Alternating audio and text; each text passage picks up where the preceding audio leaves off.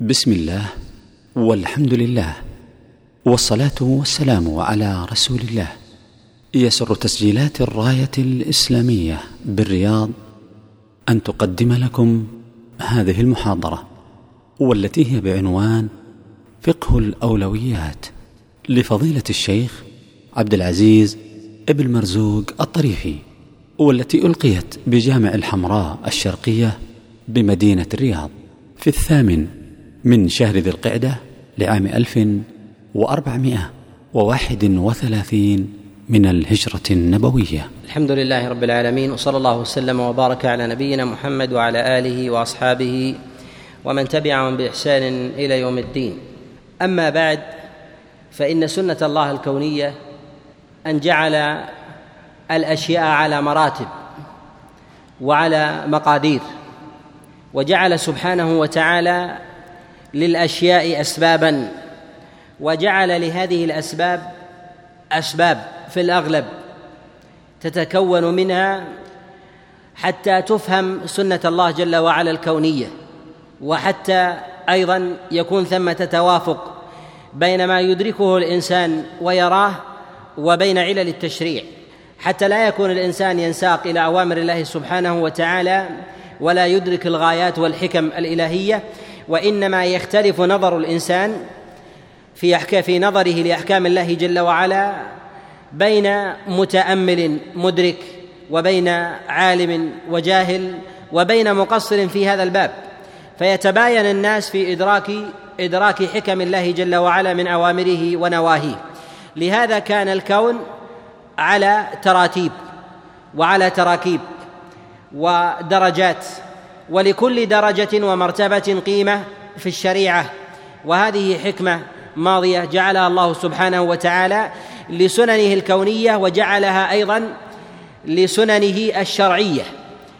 وهذا مقتضى حكمة الله جل وعلا وكمال قدرته. فالله سبحانه وتعالى قد وصف نفسه بالحكيم وسمى الله جل وعلا نفسه بالحكيم. وجعل الله جل وعلا لجميع أوامره حكمة بالغة لا يدركها لا يدركها بجميعها إلا هو يدرك الخلق كثيرا منها ويتباينون في إدراك ذلك.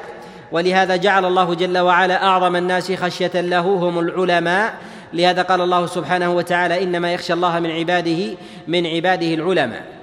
إن من أعظم المهمات في فهم دين الله سبحانه وتعالى هو أن يعرف الإنسان مراتبه ومقاديره وكذلك في حال اجتماع المصالح أن يعرف مراتب ودرجات تلك المصالح وإذا اجتمعت المفاسد أيضا أن يعرف أن يعرف مراتب ودركات تلك تلك المفاسد وإلا ضل الإنسان.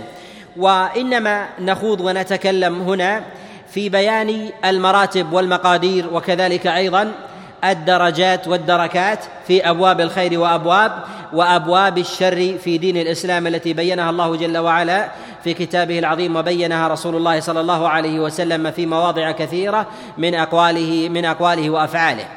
إن فقه الموازنات وفقه الأولويات من الأمور المهمة التي ينبغي لطالب العلم أن يدركها وخاصة في الأزمنة المتأخرة عند اختلاط كثير من أحكام الشريعة. وكذلك دخول المبالغات في بعض الأبواب وحقها عدم عدم المبالغة. ودخول التصغير والتحقير لمسائل حقها التعظيم وذلك أن مرد هذا هو إلى حكم الله جل وعلا وتقديره. وإنما وقع الخلط في كثير من أحكام الله سبحانه وتعالى وموازينه لأن كثيرا من الناس يظنون أن الإسلام إنما جاء جملة فيؤخذ فيؤخذ جملة. وكذلك فإن كثيرا من الناس يخلطون بين ما يحتاجونه من أوامر الله جل وعلا وأحكامه وبين أحكام الله سبحانه وتعالى التي لا يطيقها الإنسان. كذلك أيضا بين مراتب الأمور التي أصلها معظم ولكنها في ذاتها تعد من فرعيات الدين ومسائله. وإن كانت تدخل في الأصل العام كبعض فرعيات وجزئيات وصور دقائق مسائل الإيمان وغير ذلك. وغيرها يدخل في أبواب الفروع ولكنه أصل وباب فيها. وما يكون في الفروع مما هو ظاهر وأعظم إذا كان من الأصول العظيمة والدعائم الجليلة أعظم من بعض فرعيات من بعض فرعيات وصور مسائل مسائل الإيمان. وهذا أمر وهذا أمر معلوم. لهذا الذين يأخذون بظواهر الأدلة من كلام الله جل وعلا وكلام رسول الله صلى الله عليه وسلم ببيان منزلة وقدر وقدر الأحكام الشرعية الواردة بالنص ويكتفون بذلك في هذا نوع نوع قصور. وكذلك تجاهل لمراد الله جل وعلا فإن الله سبحانه وتعالى الذي فرض أركان الإسلام هو الذي فرض أركان الإيمان والذي جعل السنن والمستحبات. وكذلك جعل المباحات جعلها في باب وجعل الفرائض وجعل الفرائض في أبواب متنوعة منها ما كان على فروض الأعيان ومنها ما كان على فروض الكفاية. وفروض الأعيان تتباين. منها ما هو فرض إذا تركه الإنسان كفر وخرج عن الملة. ومنها ما ليس بفرض ولكن مقامه في الشريعة أعظم باعتبار أنه شعيره من شعائر باعتبار أنه شعيره من شعائر من شعائر الدين. الله جل وعلا قد جعل كونه وجعل أحكامه على على تراتيب وأسباب يلزم من بعضها من بعضها البعض. والإنسان إذا لم يعرف أسباب الأشياء وعرف وعرف الغايات وقع في خلل وقصور. وإذا عرف الإنسان غايات الأشياء وما عرف الأسباب وكان العكس أيضا وقع في الخلل. فالله سبحانه وتعالى قد جعل كل شيء له مرتبة سابقة سابقة له. ولهذا الله جل وعلا أوجد الإنسان من عدم وقبل إيجاده من عدم جعل الله سبحانه وتعالى مقادير الخلائق قبل قبل أن يخلقه. ولهذا قال الله سبحانه وتعالى مبين المراتب التي خلق فيها الإنسان ولقد خلقناكم ثم صورناكم ثم قلنا للملائكة اسجدوا لآدم فسجدوا إلا إلا إبليس لم يكن من الساجدين. بين الله سبحانه وتعالى أنه كان الخلق ثم كان التصوير ثم أمر الله جل وعلا أمر الله جل وعلا الملائكة بالسجود بالسجود لآدم ثم كان بعد ذلك ما كان الامتحان. معرفة تسلسل الحوادث وكذلك تدرج الأحكام من الأمور المهمة التي يعرف فيها الإنسان مراتب مراتب الدين. إن ما نتكلم عليه في مسألة فقه الأولويات وكذلك ما يسمى بفقه فقه الموازنات. لا يمكن أن يتحقق للإنسان معرفة الأولويات إلا إلا بمعرفة باب الموازنات. فإن الإنسان لا يمكن أن يعرف أقدار الأشياء إلا بوزنها. ولهذا يقال إن فقه الموازنات هو سابق لفقه لفقه الأولويات. وفقه الموازنات هو أن يعرف الإنسان مقادير الأشياء. ولا يمكن للإنسان أن يعرف أن يعرف فقه الموازنات إلا إلا بأمرين يسبقان إلا بأمرين يسبقان ذلك. وهما معرفة المقاصد الشرعية وكذلك معرفة المآلات الأمر الثاني معرفة الأحكام الشرعية المتعلقة بذوات الأقوال والأفعال والاعتقادات. إذا عرف الإنسان هذين فإنه وفق إلى الصواب. أولها ما يتعلق بمعرفة أحكام الله سبحانه وتعالى ومراده ومراده من ومراده من التشريع. الله جل وعلا شرع لهذه الأمة جملة من الشرائع والأحكام منها ما توافق مع الأمم السابقة ومنها ما اختلفت فيه الأمة عن غيرها. وهذا يجمله العلماء بما يسمى بالضروريات الخمس الله جل وعلا قد جاء بجملة من التشريعات تحفظ هذه الضروريات. أولها ضرورية حفظ الدين وكان هذا هو الأصل الذي لأجله الله جل وعلا شرع الجهاد وشرع القتال وشرع إقامة الحدود حفاظا حفاظا على الدين. وصونا له من الدخيل من الدخيل فيه. ولما كان ذلك هذا الحفظ يعني لضرورية الدين يلزم منه استباحة الدماء وكذلك قطع الأطراف والنفي وكذلك أيضا مصادرة ما يسمى بالحريات وغير ذلك حفظا للدين الذي لا تقوم الحياة والآخرة إلا إلا به. وذلك وذلك ولهذا جاءت التشريعات بحفظ هذا الدين وبيان وبيان منزلته. الإنسان لا يمكن أن يعرف الموازين إلا وقد عرف قيم الأشياء قبل أن يزنها. أعظم ما يعرف فيه الإنسان الموازين هو أن يرجع الموزونات إلى حكم الله سبحانه وتعالى باعتبار أننا نتكلم نتكلم على احكام على أحكام الشريعة. الشريعة جاءت بجملة من الشرائع وأحكام الله سبحانه وتعالى متنوعة في هذا الباب وهي ما يسمى بابواب بأبواب المصالح المتنوعة، هذه المصالح مصالح دينية ومصالح دنيوية قد جاءت الشريعة ببيان جملة من أحكامها على سبيل النص وجاءت الشريعة ببيان جملة من أحكامها على سبيل اللزوم ومنها ما دل الدليل على بيان فضلها ومنزلتها بنزول النص العام الذي يدخل في الذي يدخل في ثناياه جملة من الصور من الصور والأحوال. لا يمكن للإنسان أن يتح أن تتحقق له معرفة الأشياء إلا بإرجاع الأحكام الشرعية إلى إلى الذي أنزلها وشرعها. والله سبحانه وتعالى قد بين تلك تلك المقادير.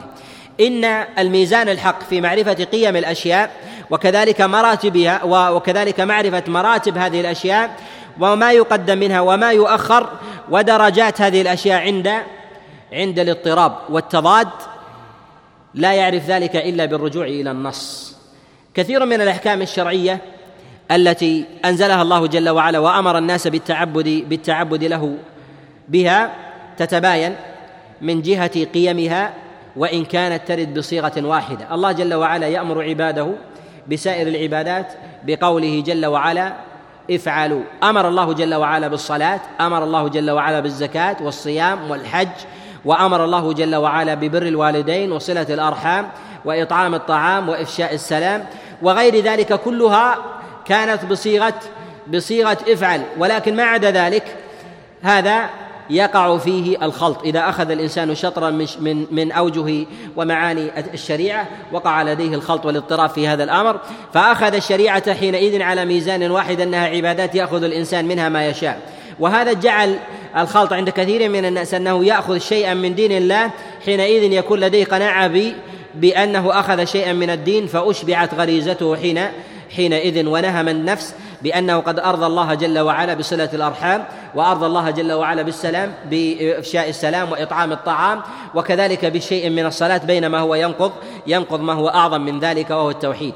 لهذا لا يمكن للإنسان أن يعرف حقائق الأشياء إلا بمعرفتها بسببي المعرفة التامة وهي معرفة الشيء بحقيقته ومعرفته ببيان ضده. ولهذا ولهذا النبي صلى الله عليه وسلم قد عرف الأشياء لأمته على الوجهين. عرف الأشياء لأمته على الوجهين ببيان حقيقة الشيء وبيان وبيان ضده. إذا أردنا أن نأخذ المأمورات التي أبينها الله سبحانه وتعالى لعباده في كتابه العظيم لا يمكن أن نعرف ذلك الا إلا بمعرفه بمعرفة ضدها وبضدها تتبين الأشياء. إذا أردنا أن نعرف توحيد الله سبحانه وتعالى وكذلك إقام الصلاة والزكاة وقيمها وإخراجها إلى إلى ميزانها الحق إذا أردنا أن نوازن. نحن نريد أن نريد أن نوازن بين الصلاة والزكاة وكذلك بين الحج وصيام رمضان. أيها أعظم وأقدر كثير من الناس يخلط في هذا الأمر. لماذا؟ لأنه قد أشغل ذهنه بالنصوص الواردة في إيجاب ذلك. ولم يشغل ذهنه في بيان في بيان عقوبة تارك ذلك وحكمه في الشرع. وما أنزل الله جل وعلا من عقوبة لمن فعل لمن فعل خلاف أمره جل وعلا. وإذا جاهل الإنسان الشطر الآخر وما يسمى بحال الإنسان في حال مخالفة النص وقع لديه الخلط في هذا الأمر. نجد النصوص الشرعية في بيان التشريعات كلها ما كان ما كان على سبيل الوجوب والفرض وما كان أيضا على سبيل الندب والاستحباب. نجد أنها قد شرعت بصيغة واحدة وهي افعل. وأما العقوبة فنجد أنها تتباين. وهذه العقوبة هي التي يقع فيها يقع فيها الخلط. ولهذا وجب على العالم وكذلك وجب على طالب العلم أن يتبصر بالشطر الآخر وهو بمعرفة النقيض. وذلك أن الإنسان إذا فقد ذلك الحكم ما حكمه في الشرع؟ الإنسان إذا فقد التوحيد ما ميزانه؟ كثير من الناس يقع في شيء من صور الشرك ولكنه يسلي نفسه أو يرضى عن الآخرين لأنه مثلا بار بوالديه أو يتصدق أو يكفل الأيتام أو ينفق أو غير ذلك من مسائل الإحسان أو يعمر المساجد وهو قد وقع قد وقع في الشرك. وهذا وهذا من الخلط في أبواب في أبواب الموازنة. ونحن حينما نتكلم على الموازنة في أبواب الشريعة لا بد للإنسان إذا أراد أن يعرف أن يعرف قيمة الشيء ووزنه أن يرجعه إلى إلى أهل النظر فيه. وأهل النظر هنا هو المشرع سبحانه وتعالى الذي شرع الشرائع وأمر بالأحكام وجعل الحكم له جل وعلا لا لغيره ولهذا قال الله سبحانه وتعالى إن الحكم إلا لله أمر الا تعبدوا إلا إلا إياه. فجعل الحكم له وجعله عبادة وجعل المخالف له في تبيين مقدار تلك الأشياء مخالفا له جل وعلا في أبواب التشريع ومناقضا ومناقضا لحكم الله سبحانه وتعالى. كثير من الناس والعامة أعظم عقبة في فهم مراد الله سبحانه وتعالى في الأحكام الشرعية وكذلك ترتيبها في أبواب الموازنات خاصة عند عند الفتن والمحن وكذلك اشتداد الأمور يقع لديهم الخلط في هذا في هذا الأمر. وهذا مقترن بمعرفة الشق الآخر في أبواب الموازنات ومعرفة المقاصد والمآلات التي لا بد للإنسان أن يتبصر بها. معرفة الإنسان لحقيقة الشيء أيضا لا تجعله يحكم على الشيء بالاضطراد وإنما لا بد من معرفة من معرفة المآل. إذا عرفنا أن الله جل وعلا قد قدم أمر الدين على غيره فالدين حينئذ على مراتب. الدين منه ما هو واجب وما هو فرض ومنه ما هو مستحب. فالله سبحانه وتعالى قد جعل ضرورية حفظ الدين مقدمة على حفظ النفس. فهل يقال أن الإنسان يقيم نافلة؟ ولو كان ذلك ولو كان ذلك بإراقة بإراقة الدماء تحت هذه القاعدة نقول هذا هذا من الجهل. إذا لا بد للإنسان أن يجمع بين بين الأمرين ومعرفة ما تؤول إليه الأحوال وكذلك الأقوال فإذا عرف ما تؤول إليه ونظر بنور الله جل وعلا واهتدى بهديه أرجع تلك الأحوال والمآلات كأنها حالة ثم حكم بين بينها وبين وبين ما كان حالا من مراد الله سبحانه وتعالى من مراد الله جل وعلا وحكمه. والواجب في حق الإنسان اولا ابتداء في معرفته للأولويات أن يفقه أن يفقه أبواب الموازنات وأن يعرف قيم الأشياء. وقيم الأشياء كما تقدم الإشارة إليه أن يرجع الأمور أن يرجع الأمور إلى النص. الله سبحانه وتعالى قد جعل الدين مقدم على غيره وجعل الله جل وعلا يلي ذلك يلي ذلك العرض. ولهذا الله سبحانه وتعالى صان الأعراض بإزهاق بإزهاق الأنفس. ولهذا من وقع في الزنا وهو محصن يرجم فأزهقت النفس لأجل حفظ حفظ العرض والنسل ثم جعل الله جل وعلا بعد ذلك جعل الله جل وعلا بعد ذلك حفظ النفس ثم يلي ذلك يلي ذلك حفظ المال والعقل على خلاف في هذا. منهم من يقول العقل ومنهم من يقول من يقول المال ومنهم من يقول أن المال أن العقل مقدم على ذلك باعتبار أن التشريع لا يمكن أن يفهم إلا بحفظ العقل.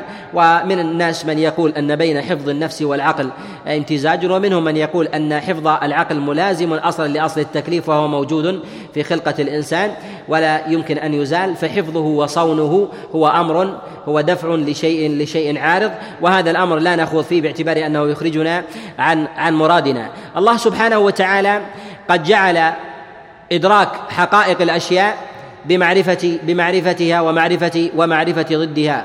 ولهذا الله سبحانه وتعالى لا يبين حكما من أحكامه إلا وقد بين وقد بين ضده. أمر الله جل وعلا بالتوحيد وبين وبين ضده وهو وهو الإشراك.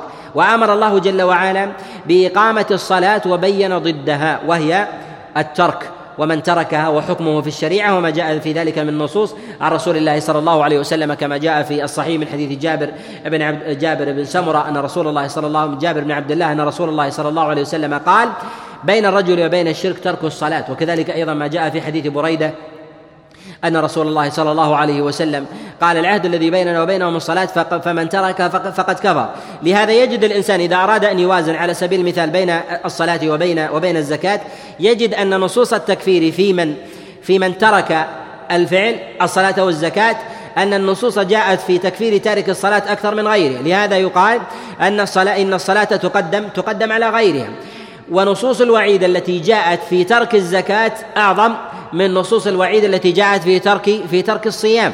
وهذا وهكذا يجري ذلك على سائر الفروض سواء كانت من فروض من فروض الأعيان فيما بينها أو من فروض الكفايات فيما بينها. كذلك أيضا ما كان من المستحبات منها ما هو متأكد ومنها ما هو ما كان على على على غير التأكيد. ومنها ما يبين الله جل وعلا أمره ولم يبين الله سبحانه وتعالى عقاب التارك.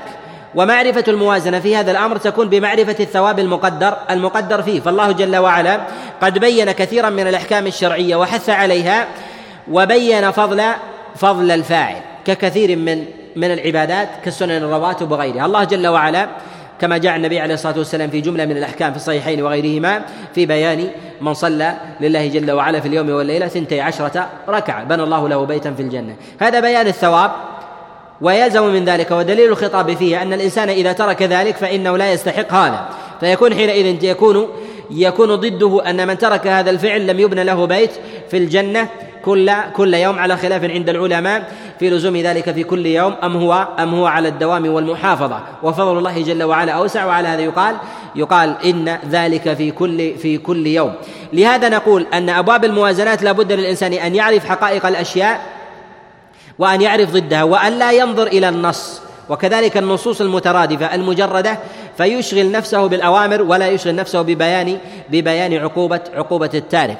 لهذا يقع الخلط في هذا الأمر. ومن الخلط الذي يقع فيه كثير من الناس ما تقدم الإشارة إليه أنهم ينشغلون بأبواب بأبواب معرفة هذا أنه من أمور العبادة التي أمر الله جل وعلا جل وعلا بها. والإنسان بفطرته مهما كان صالحا ومهما كان مخلصا لله سبحانه وتعالى يقع لديه شيء من الخلط في هذا في هذا الأمر. وهذا جزء من صراع من صراع الأنبياء مع أممهم. فالنبي عليه الصلاة والسلام قد قاتل المشركين ويعلم عليه الصلاة والسلام أن لديهم شيء من الخير.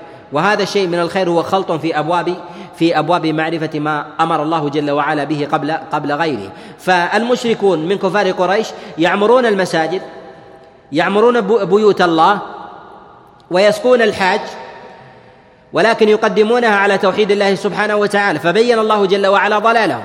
أجعلتم سقاية الحاج وعمارة المسجد الحرام كمن آمن بالله. وهذا التشبيه المساواة التي ظنوها أنها على السواء سقاية الحاج وعمارة المسجد الحرام. كمن آمن بالله واليوم الآخر وجاهد في سبيله لا يستوون عند الله أن هذا من الظن والوهم والغلط. في ذلك وهذا الأمر وإن كان من الدين إلا أنه في أبواب ومراتب الأولويات من الخلط في هذا. وكثير من الناس الذين يتعلقون بأمور يخالفون فيها أمر الله جل وعلا من باب وهذا الباب يجادلون يجادلون فيه. ولهذا التتار لما قاتلوا المسلمين وكان وكانوا منزعهم منزعهم على الإسلام. ولهذا قد ذكر شيخ الإسلام ابن تيمية عليه رحمة الله أن التتار كانوا يقومون الليل مع ما فعلوا من فساد. كانوا يقومون يقومون الليل ولكن حالهم ذلك في مخالفة أمر الله جل وعلا ومناقضة حكمه. أي أنهم كفروا بالله جل وعلا وخالفوا توحيد الله ووقعوا في كثير من نواقض الإسلام فاستحقوا فاستحقوا الكفر. وعلى هذا فما يفعلونه من أمور العبادة يعد هباء هباء منثورا. كثير من الناس يخلط في معرفة الحقائق وكذلك معرفة معرفة لوازمها. العلماء يقولون أن العالم الحق هو الذي يعرف مراتب ودرجات الخير من درجات يعرف مراتب ودرجات الخير من درجات الخير نفسها. وليس الذي يميز بين بين الخير والشر هو العالم لأن هذا لأن هذا من مدركات العقل البسيط والذي يدركه العامة أن الإنسان يفرق بين الخير والشر. ولكن حقيقة الصراع الذي يكون بين الأنبياء وأممهم هو في في معرفة المراتب.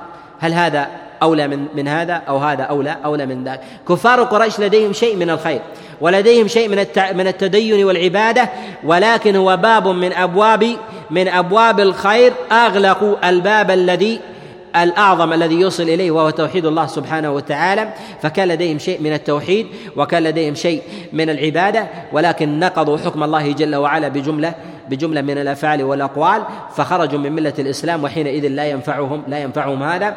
ولم يدركوا أيضا أن الله جل وعلا إنما أمر بتوحيده من جميع الوجوه ونفي الشرك وهذا لا يتحقق في عبادة من العبادات إلا في توحيد الله جل وعلا ونفي ضده. وذلك أن الإنسان إذا وقع في في باب من أبواب التفريط في هذا استحق الوصف الكامل بالشرك.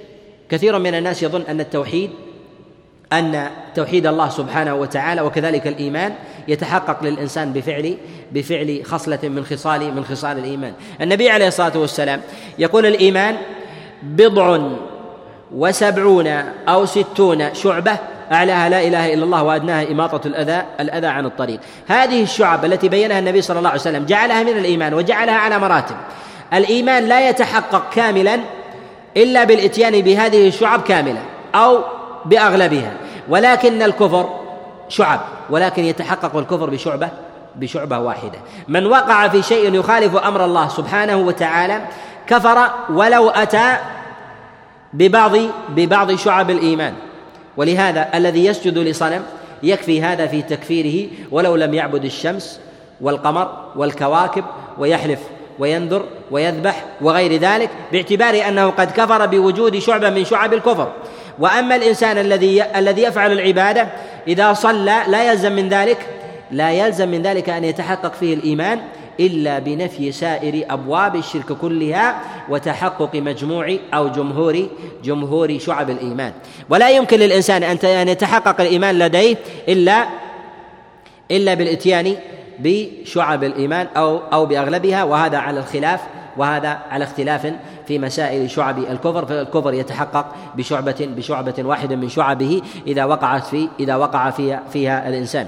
لهذا كثير من الناس الذين تسوقهم العاطفة إذا ثبت كفر شخص أو ثبت كفر أمة ونحو ذلك بأي نوع من أنواع المكفرات نظروا إلى شيء ليس هذا من من تراتيب من تراتيب الخير وليس من تراتيب الإيمان أيضا. كأن يكون مثلا من أهل صلة الرحم أو يكون مثلا من بذل من أهل بذل السلام وكذلك كفالة الأيتام وغير ذلك فهذا باب باب آخر هو الذي عارض فيه رسول الله صلى الله عليه وسلم ما يتعلق ما يتعلق بكفار بكفار قريش. ومعرفة الحقائق الشرعية وقيمها كما أنها تعرف بمعرفة ضدها ثمة أشياء ضدها يتحد ولكنها تختلف من أبواب من أبواب كثرة التحذير الذي جاء في كلام رسول الله صلى الله عليه وسلم وكلام الله جل وعلا. ويظهر هذا أن الله سبحانه وتعالى يأمر يأمر بشيئين على صيغة واحدة ويبين العقاب أيضا على صيغة واحدة. ولكن ذلك العقاب الذي بينه الله سبحانه وتعالى يختلف ويتباين من جهة الوفرة.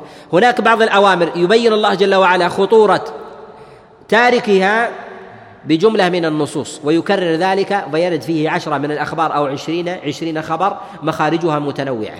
وإذا جاءنا أمر قد اتحد العقاب مع ذلك الأمر لكنه جاء في خبر واحد فنقول أن أن ما جاء عن رسول الله صلى الله عليه وسلم ببيان خطر ذلك الفعل بنصوص وأحاديث متنوعة هي أعظم لأن كثرة التحذير دليل على عظمة على عظمة ذلك الفعل الذي حذر الله جل وعلا حذر الله جل وعلا منه.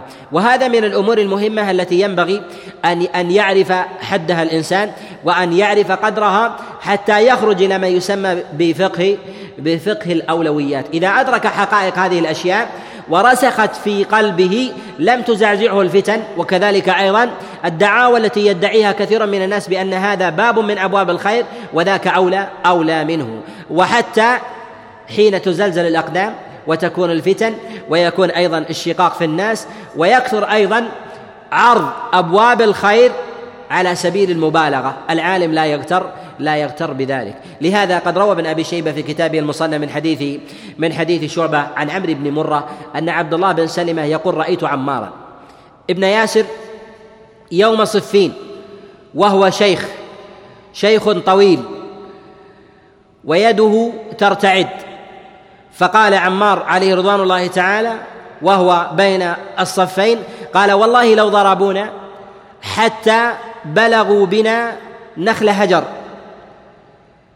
إلا وإننا لنعلم أننا على الحق وهم على وهم على الباطل.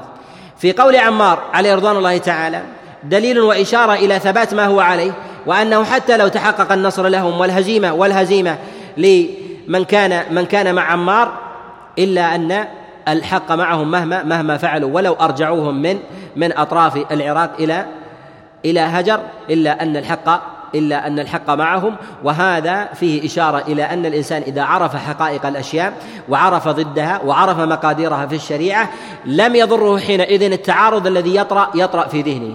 الإنسان يطرأ في ذهنه جملة من المتعارضات والمصالح ولكن إذا كان من أهل العلم الراسخ والإيمان زال عنه ذلك التعارض. من ذلك ما جاء في قول الله سبحانه وتعالى يا أيها الذين آمنوا إنما المشركون نجس فلا يقربوا المسجد الحرام بعد عامهم بعد عامهم هذا. الله سبحانه وتعالى بين أن المشركين نجس ونهى عن دخولهم المسجد الحرام ولكن بين الله جل وعلا أن ثمة أمر انقدح في قلوب أصحاب رسول الله صلى الله عليه وسلم وهو وهو من المصالح التي تتعارض في ابتداء الأمر مع هذا ويقع فيه الخلط. وهو خوف العيلة وهو الفقر. فإن خفتم عيلة فسوف يغنيكم الله من فضله إن شاء. معنى هذا أن كما جاء عند ابن جرير الطبري وغيره من حديث علي بن أبي طلحة عن عبد الله بن عباس أن الله جل وعلا لما أنزل قوله سبحانه وتعالى يا أيها الذين آمنوا إنما المشركون نجس فلا يقربوا المسجد الحرام بعد عامهم هذا.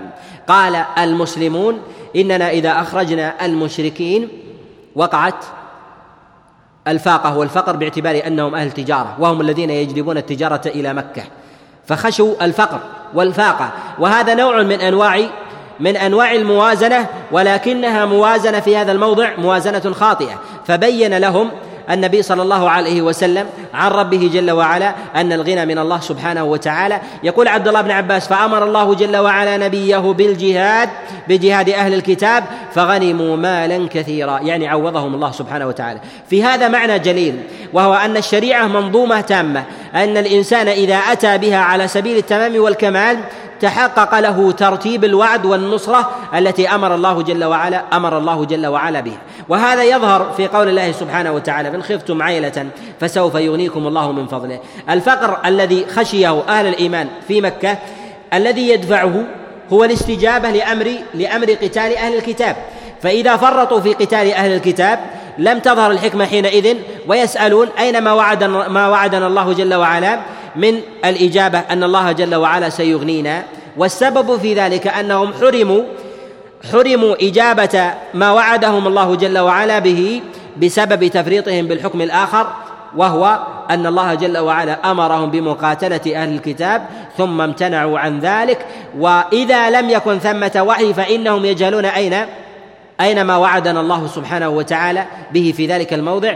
ونسوا أن ذلك الحكم المنفك والمنفصل عن إخراج المشركين من مكة بأمر الله سبحانه وتعالى فلا يدخل المسجد الحرام بعد عامهم هذا أن هذا منفصل عن ذلك الحكم ولا يتبادر إلى ذهن الإنسان أن ذلك هو الذي يسد الخلة التي ظهرت في ذهن الإنسان من الحكم من الحكم الأول وهو وهو أن المشركين نجس فلا يقربوا المسجد الحرام بعد بعد عامهم هذا. لهذا الإنسان إذا أراد أن تظهر ثمار أحكام الله جل وعلا كلها وتظهر العلل فليلتزم أحكام الله سبحانه وتعالى على على السواء. وهذا يدلنا أيضا على قاعدة مهمة وهي أن الإنسان وهو أن الإنسان إذا كان من أهل الحذق والمعرفة بمآلات الأحكام وكذلك مقاصد الشريعة أن ينظر إلى أسباب الأشياء ولو كانت منفكة منفكة عنها.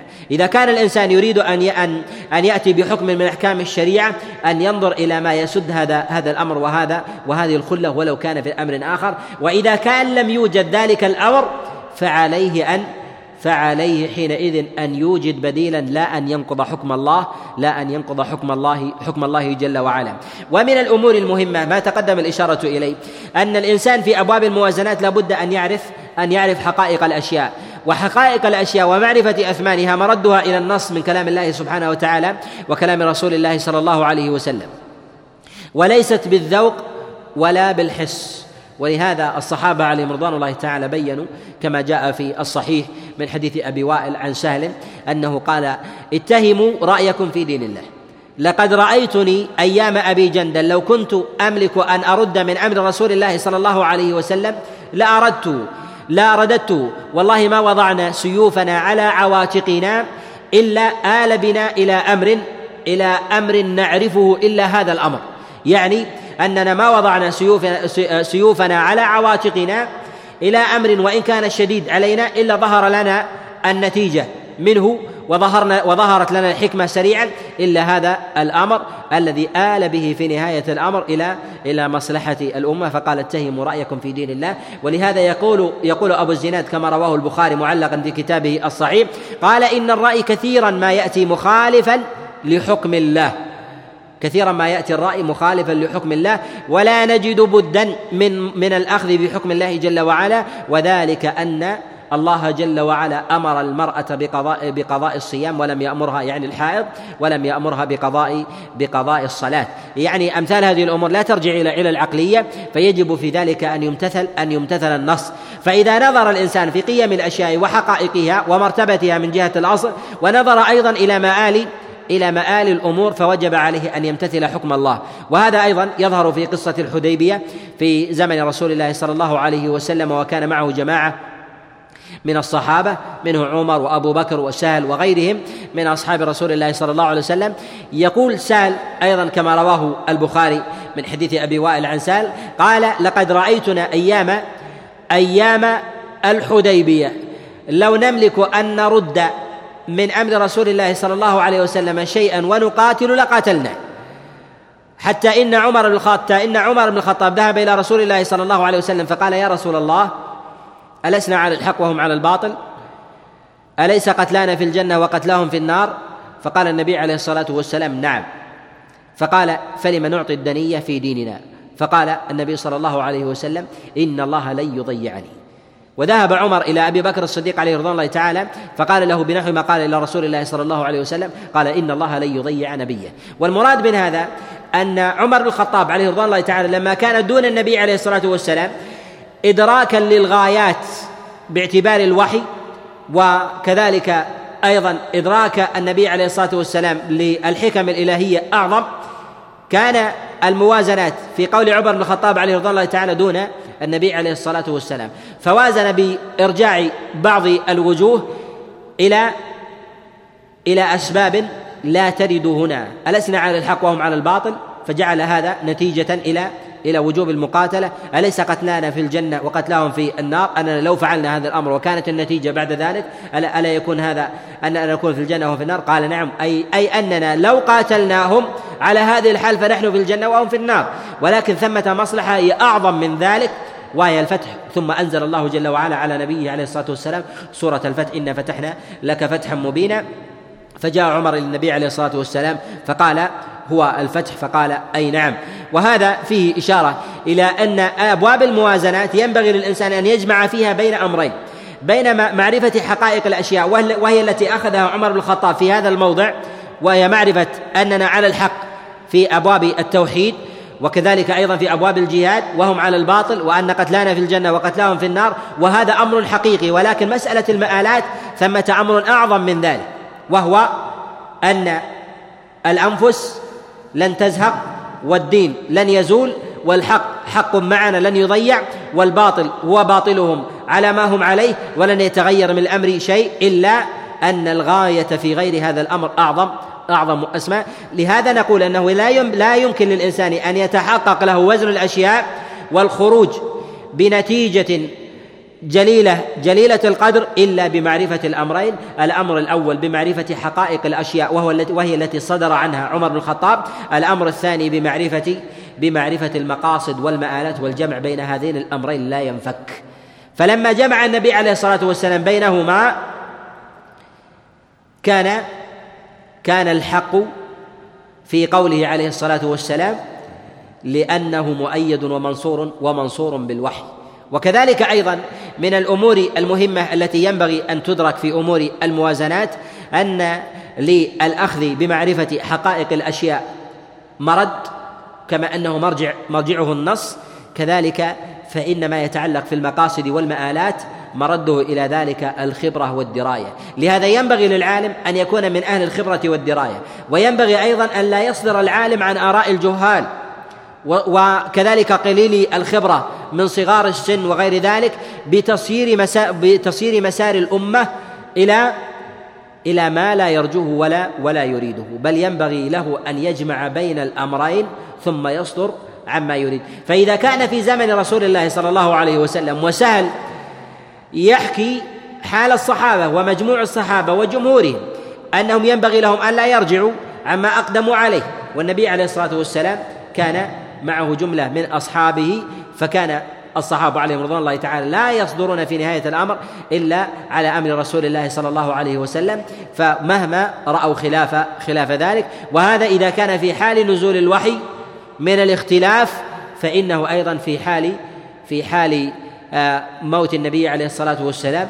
وما كان بعده من قرون فكيف بآخر الزمان؟ فإن ذلك من باب من باب أولى. كذلك فإن الإنسان ينبغي له أن يكون من أهل الدراية والإحاطة بنصوص الشريعة وهذا لا يمكن أن يتحقق للإنسان بمعرفة أبواب الموازنات إلا بمعرفة حقائق الأشياء وحقائق الأشياء مردها إلى النصوص الشرعية من كلام الله جل وعلا وكلام رسول الله صلى الله عليه وسلم. لهذا ينبغي للإنسان إذا أراد أن يخوض في مسائل الإيمان أن يعرف مراتب الإيمان. أركان الإيمان أن يعرف أيضا الشرك ودرجات الشرك أن يعرف نواقض الإسلام ومتى تجب ومتى تنتفي عن الإنسان وأبواب العذر بالجهل وكذلك أيضا مآلات هذا الأمر إلى إلى غيره وكذلك اللوازم التي تحتف بذلك بذلك الأمر والتفريق بين الشرك الأصغر والشرك الأكبر وكذلك أيضا الشرك الذي يقع من شخص والشرك الذي لا يقع لا يقع في الجماعة أو يقع في جماعة وجماعه قليلة دون الجماعة الكثيرة وغير ذلك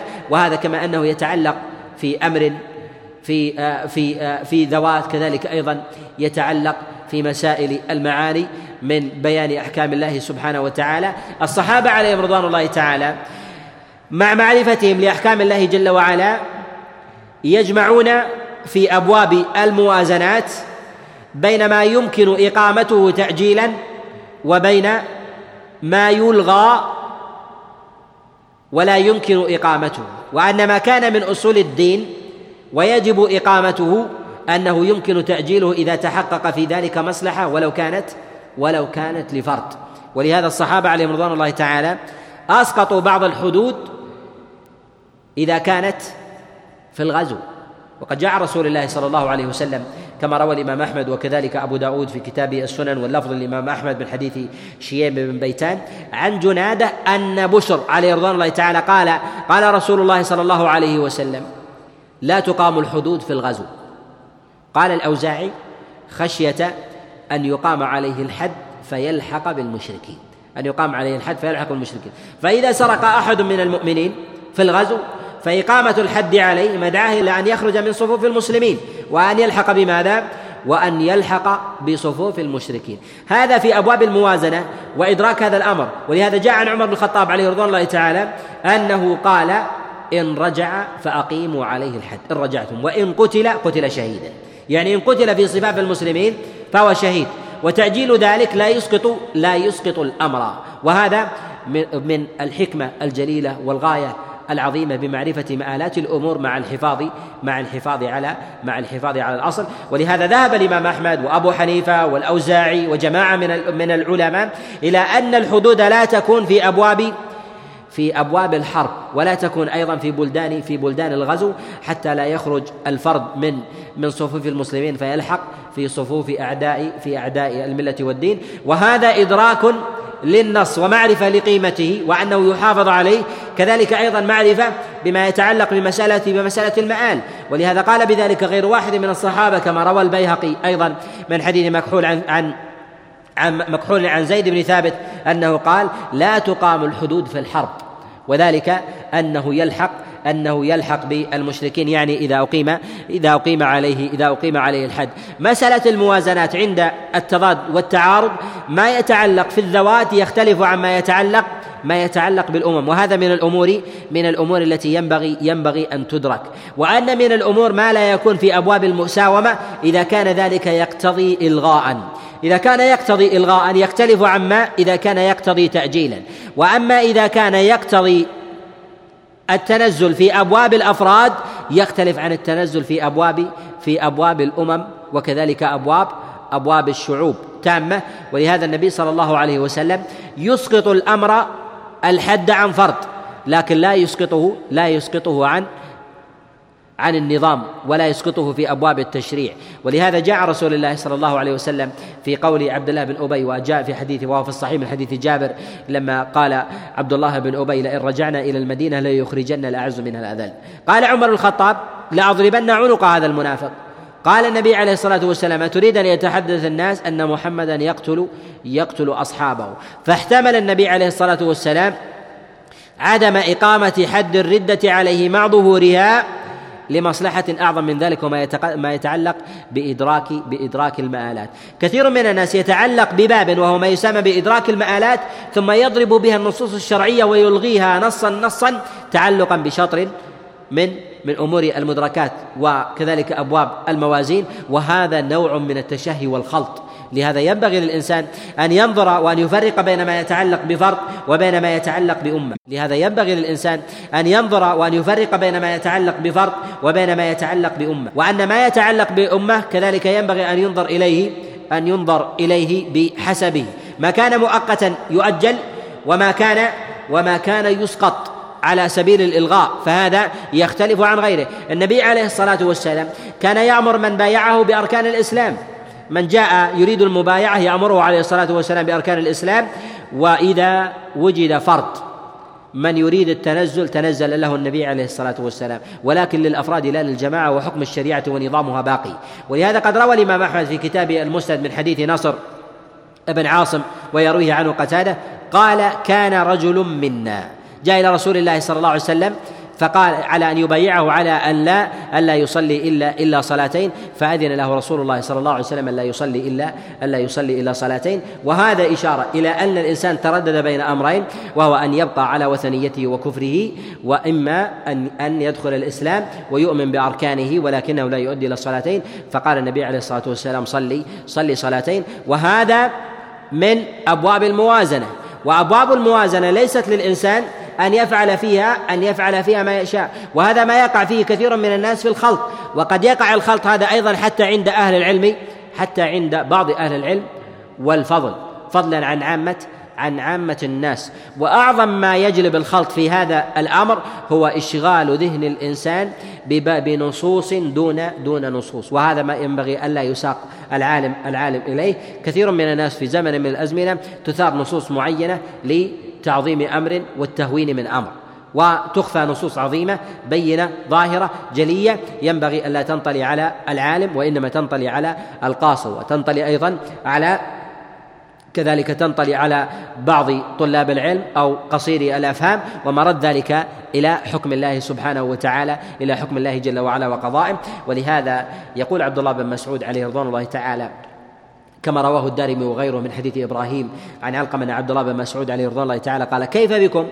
إذا ألبستم فتنة يهرم يهرم فيها الكبير ويربو فيها الصغير ويعمل فيها بغير السنة فإذا تركت قالوا تركت السنة. قالوا متى ذلك يا أبا عبد الرحمن؟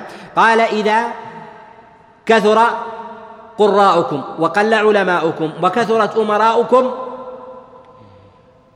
و ابتغيت الآخرة ابتغيت الدنيا بالآخرة. وفي هذا جملة من المسائل. منها أنه قد يعم لدى يعم لدى كثير من الناس العمل بغير السنة ويظن أن أنه في حال تركها أنها أنها تركت السنة وهي بدعة ومرد ذلك إلى ماذا؟ مرد ذلك إلى استحسان العقل لا إلى لا إلى حكم الله جل وعلا ووزنه كما كما أنزل الله جل وعلا في كتابه وما جاء عن رسول الله صلى الله عليه وسلم لهذا وجب على الانسان وجب على الإنسان في إدراكه لي لما يزنه أن يرجع ذلك إلى النص وأن يرجع ذلك أيضا إلى معرفه معرفة المآل ثم بعد ذلك يصدر عن حكم الله سبحانه وتعالى ورأي خالص مع شدة الاستعانة والاستخارة ومعرفة الحال. ثمة أمور وأسباب تتحصل إذا تحصلت لطالب العلم وكذلك العالم. كان من أهل المعرفة في هذا الأمر. يمكن أن تجمل على أو في في أمور. أولها بالفقه في دين الله جل وعلا. ومعرفة النصوص الشرعية وضبطها وعلى النحو الذي تقدم الإشارة إليه بمعرفة المسائل ومعرفة أيضا ضدها. وهذا من الأمور التي ينبغي ينبغي أن تدرك. الأمر الثاني معرفة الأحوال الذين أحوال المخاطبين الذين ينزل عليهم عليهم النص فإنهم يتباينون ويختلفون. منهم ما تنزيل النص عليه من المهمات ومنهم من يؤثر معرفة حاله في أبواب في أبواب الموازنات في أبواب الموازنات.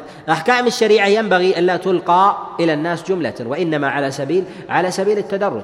ما جاء عن النبي عليه الصلاة والسلام حينما بعث معاذا إلى اليمن كما جاء في الصحيح في الصحيحين وغيرهما قال عبد الله بن عباس بعث النبي عليه الصلاة والسلام معاذا إلى اليمن فقال إنك تأتي قوما أهل كتاب.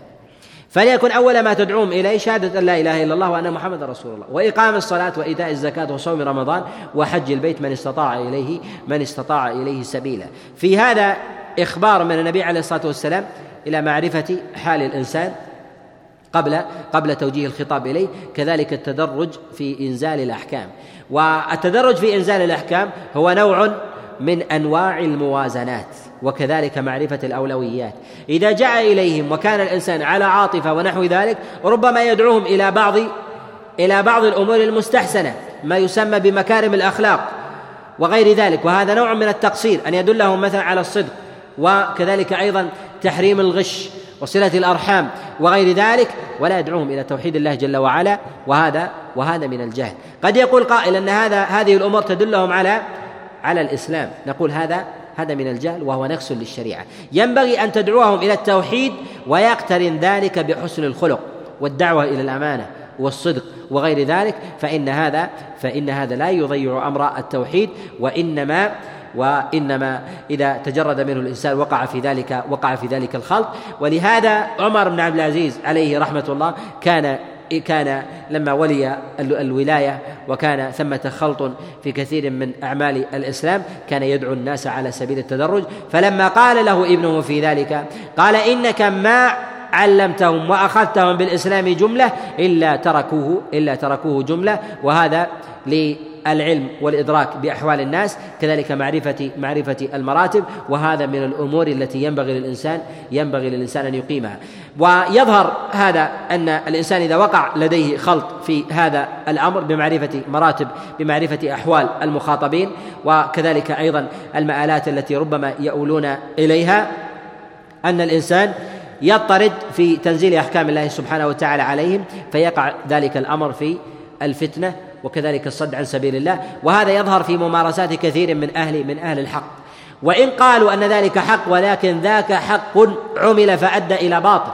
ولهذا تجد مثلا بعض المسلمين الذين مثلا في الثغور ونحو ذلك أو المسلمين إذا إذا دخلوا بلدا من البلدان تجدهم أول ما يقيمون مثلا الحدود بإقامة الحد مثلا على الزاني أو إقامة الحد مثلا حد السرقة أو غير ذلك. وهذا مما يدعو المسلمين إلى ماذا؟ من يقام عليهم إلى إلى المخالفين. والمنافقون كثر وأعداء المله والدين كثر. ينبغي في مثل هذا ان أن يؤجل أن يؤجل ذلك جمعا. لماذا؟ جمعا لكلمة المسلمين وتحقيق التوحيد أعظم أعظم من ذلك. وهذا لا يجعل لا يجعل الإنسان يجعل الزنا حلال ويجعل السرقة مباحة ويجعل الربا مباح بل يبين خطره ويحذر من الوقوع من الوقوع فيه. ولكن أجل ذلك إلى إلى ما هو أعظم أعظم منه وكثير من مصالح المسلمين إنما يقع فيها الخلل والنقصان والقصور بسبب ماذا؟ بسبب الجهل بما يسمى بأحوال المخاطبين وما يسمى ونتكلم عليه على بإجمال وما يسمى بفقه الموازنات أو فقه أو فقه الأولويات. الأمر الثالث أن يكون الإنسان عالما بالمآلات والمقاصد الشرعية. والمآلات لا تكون لا تكون بالعجلة والطيش بل بالروية والدقة والتوكل على الله جل وعلا والإكثار من سؤال الله سبحانه وتعالى التوفيق والسداد. ولهذا النبي عليه الصلاة والسلام كان في صلاة الليل كما جاء في الصحيح من حديث أبي سلمة أنه قال سألت عائشة عليه رضوان الله تعالى ما كان النبي عليه الصلاة والسلام يستفتح في قيام الليل؟ قالت عليه رضوان الله تعالى كان النبي عليه الصلاة والسلام يقول اللهم عالم الغيب والشهادة فاطر السماوات والأرض اللهم رب جبرائيل وميكائيل وإسرافيل أنت تحكم بين عبادك فيما اختلفوا فيه اهدني لما اختلف فيه من الحق بإذنك إنك تهدي من تشاء إلى صراط إلى صراط مستقيم. الإنسان في مثل هذا إذا كان النبي عليه الصلاة والسلام يسأل الله جل وعلا الهداية فيما اختلف فيه من قضايا الأعيان وما يتعلق بأبوابنا هنا في ما يسمى بأبواب الموازنات عند التعارض. وكذلك الأولويات ينبغي لمن دونه من باب أولى أن يلح أكثر من ذلك وأعظم حتى يوفق يوفق إلى الصواب. ولا يكفي الإنسان بمجرد بمجرد علمه وأن يرجع ذلك إلى عقله ومعرفة المآل ثم يقطع بذلك من غير توكل على الله سبحانه وتعالى. يقع الإنسان في ذلك في الجهل والاضطراب ثم يصدر بظنه عن وحي وقد وقع فيما يخالف أمر الله سبحانه وتعالى. لهذا المآلات تدرك بأمور. أولها بسؤال أهل الخبرة والعقل. سؤال أهل الخبرة الخبرة والعقل. وخاصة من كان من أهل من أهل السن و و وكذلك طول العمر. وهذا من الأمور المهمة أن يرجع الإنسان كثيرا من المقاصد إلى المقاصد إلى أهل الخبرة أهل الخبرة والدراية. ولهذا يقول الشاعر إن الأمور إذا الأحداث دبرها دون الشيوخ ترى في سيرها في سيرها خللا. لهذا ينبغي لمن قصر عن معرفة التجارب وكذلك الخوض في أحوال الناس أن يسأل أهل أن يسأل أهل الخبرة والعقل والدراية وطول العمر. في ذلك فهذا من الأمور التي يمتزج فيها ما لدى الإنسان من علم ومعرفة مع ما كان أو نقصه من آه، من خبرة في أحوال الناس حتى يصدر عن أمر ناضج مستوي. الأمر الثاني معرفة التاريخ وهذا من الأمور المهمة أن يكون الإنسان على معرفة وبينة بأحوال التاريخ، والتاريخ هو عمر الإنسان وإن قصر بالإنسان العمر فكان من أهل النظر ومعرفة أحوال الأمم والشعوب وما آلت بهم وكذلك معرفة النوازل والفتن وأحوال الناس وكذلك سير الصحابة وأحوالهم وكذلك ما كان فيهم من مناكفة وكذلك أيضا مجادلة ومجاهدة لإعداء الملة والدين وكذلك أحوالهم في حلهم وسفرهم وسياستهم لكثير من الأمور يصدر الإنسان في مثل ذلك يصدر الإنسان في مثل ذلك عن دراية وعقل ويخرج حينئذ بنتيجة بنتيجة آه، خالصة متمحضة. وأعلى ذلك وأسماه ما ما كان في زمن رسول الله صلى الله عليه وسلم مما أجعله الله جل وعلا آه، حكمة وتشريعا لهذه الأمة. ينبغي أن تأخذ به من حكمة رسول الله صلى الله عليه وسلم في تعامله في تعامله مع الناس. وأن الإنسان حتى لو عرف الباطل أنه لا ضير لا ضير عليه أن يتنزل معه ولو شيئا يسيرا لمصلحة أعظم من ذلك. لهذا النبي عليه الصلاة والسلام كما جاء في الصحيحين وكما جاء في الصحيح وغيره من حديث عائشة عليه رضوان الله تعالى قالت استأذن رجل على رسول الله صلى الله عليه وسلم فقال النبي عليه الصلاة والسلام ائذنوا له بئس أخو العشيرة. فلما جاء وجلس عند رسول الله صلى الله عليه وسلم هش النبي عليه الصلاة والسلام في وجهه وبش فقالت عائشة عليه رضوان الله تعالى له في ذلك فقال النبي عليه الصلاة والسلام إن شر الناس من تركه الناس اتقاء اتقاء فحشه النبي عليه الصلاة والسلام أدرك أن اللين معه والبشاشة في وجهه لا تسقط من من حق الله جل وعلا وحكمه شيء ولكن أن ذلك يطعن بعد ذلك في مجالس الناس. لو أن النبي عليه الصلاة والسلام أظهر أظهر له العداوة والبغضاء وكذلك الكره وغير ذلك فإنه ربما فحش في القول عند عند الناس فالنبي عليه الصلاة والسلام أراد كسب الناس لا أراد كسب هذا. كسب هذا الرجل. لهذا قال النبي عليه الصلاة والسلام شر الناس من تركه الناس اتقاء فحشه. وهذا إدراك لأحوال الناس وما يقولون في مجالسهم وهو من معرفة مآل الأحوال. كذلك ما تقدم معنا في قول رسول الله صلى الله عليه وسلم أتريد أن يتحدث الناس أن محمدا يقتل أصحابه؟ وهذا من إدراك أحوال الناس. قال النبي عليه الصلاة والسلام أتريد أن يتحدث الناس؟ النبي عليه الصلاة والسلام لا يقصد الأقربين لأن الأقربين عايشوا القصة ويعرفونها. ولكن يريد الذين الكلام الذي ينقل من مجلس إلى مجلس حتى يخرج المدينة فيتحدث فيتحدث الأبعدون. عما حدث في مجلس رسول الله صلى الله عليه وسلم وأن هذا المقرب الذي ذهب معه وقاتل معه وذهب وجاء ويحضر مجالس النبي عليه الصلاة والسلام قتله فيحمل تأويل ذلك على غير غير ذلك المراد. وهذا من الحكم العظيمة التي ينبغي أخذها والنظر فيها على ما جاء من وحي الله جل وعلا لرسول الله صلى الله عليه وسلم. الأمر الرابع في هذه الأمور من الأمور التي ينبغي أن أن يصدر عنها الإنسان في معرفة الأولويات في هذا.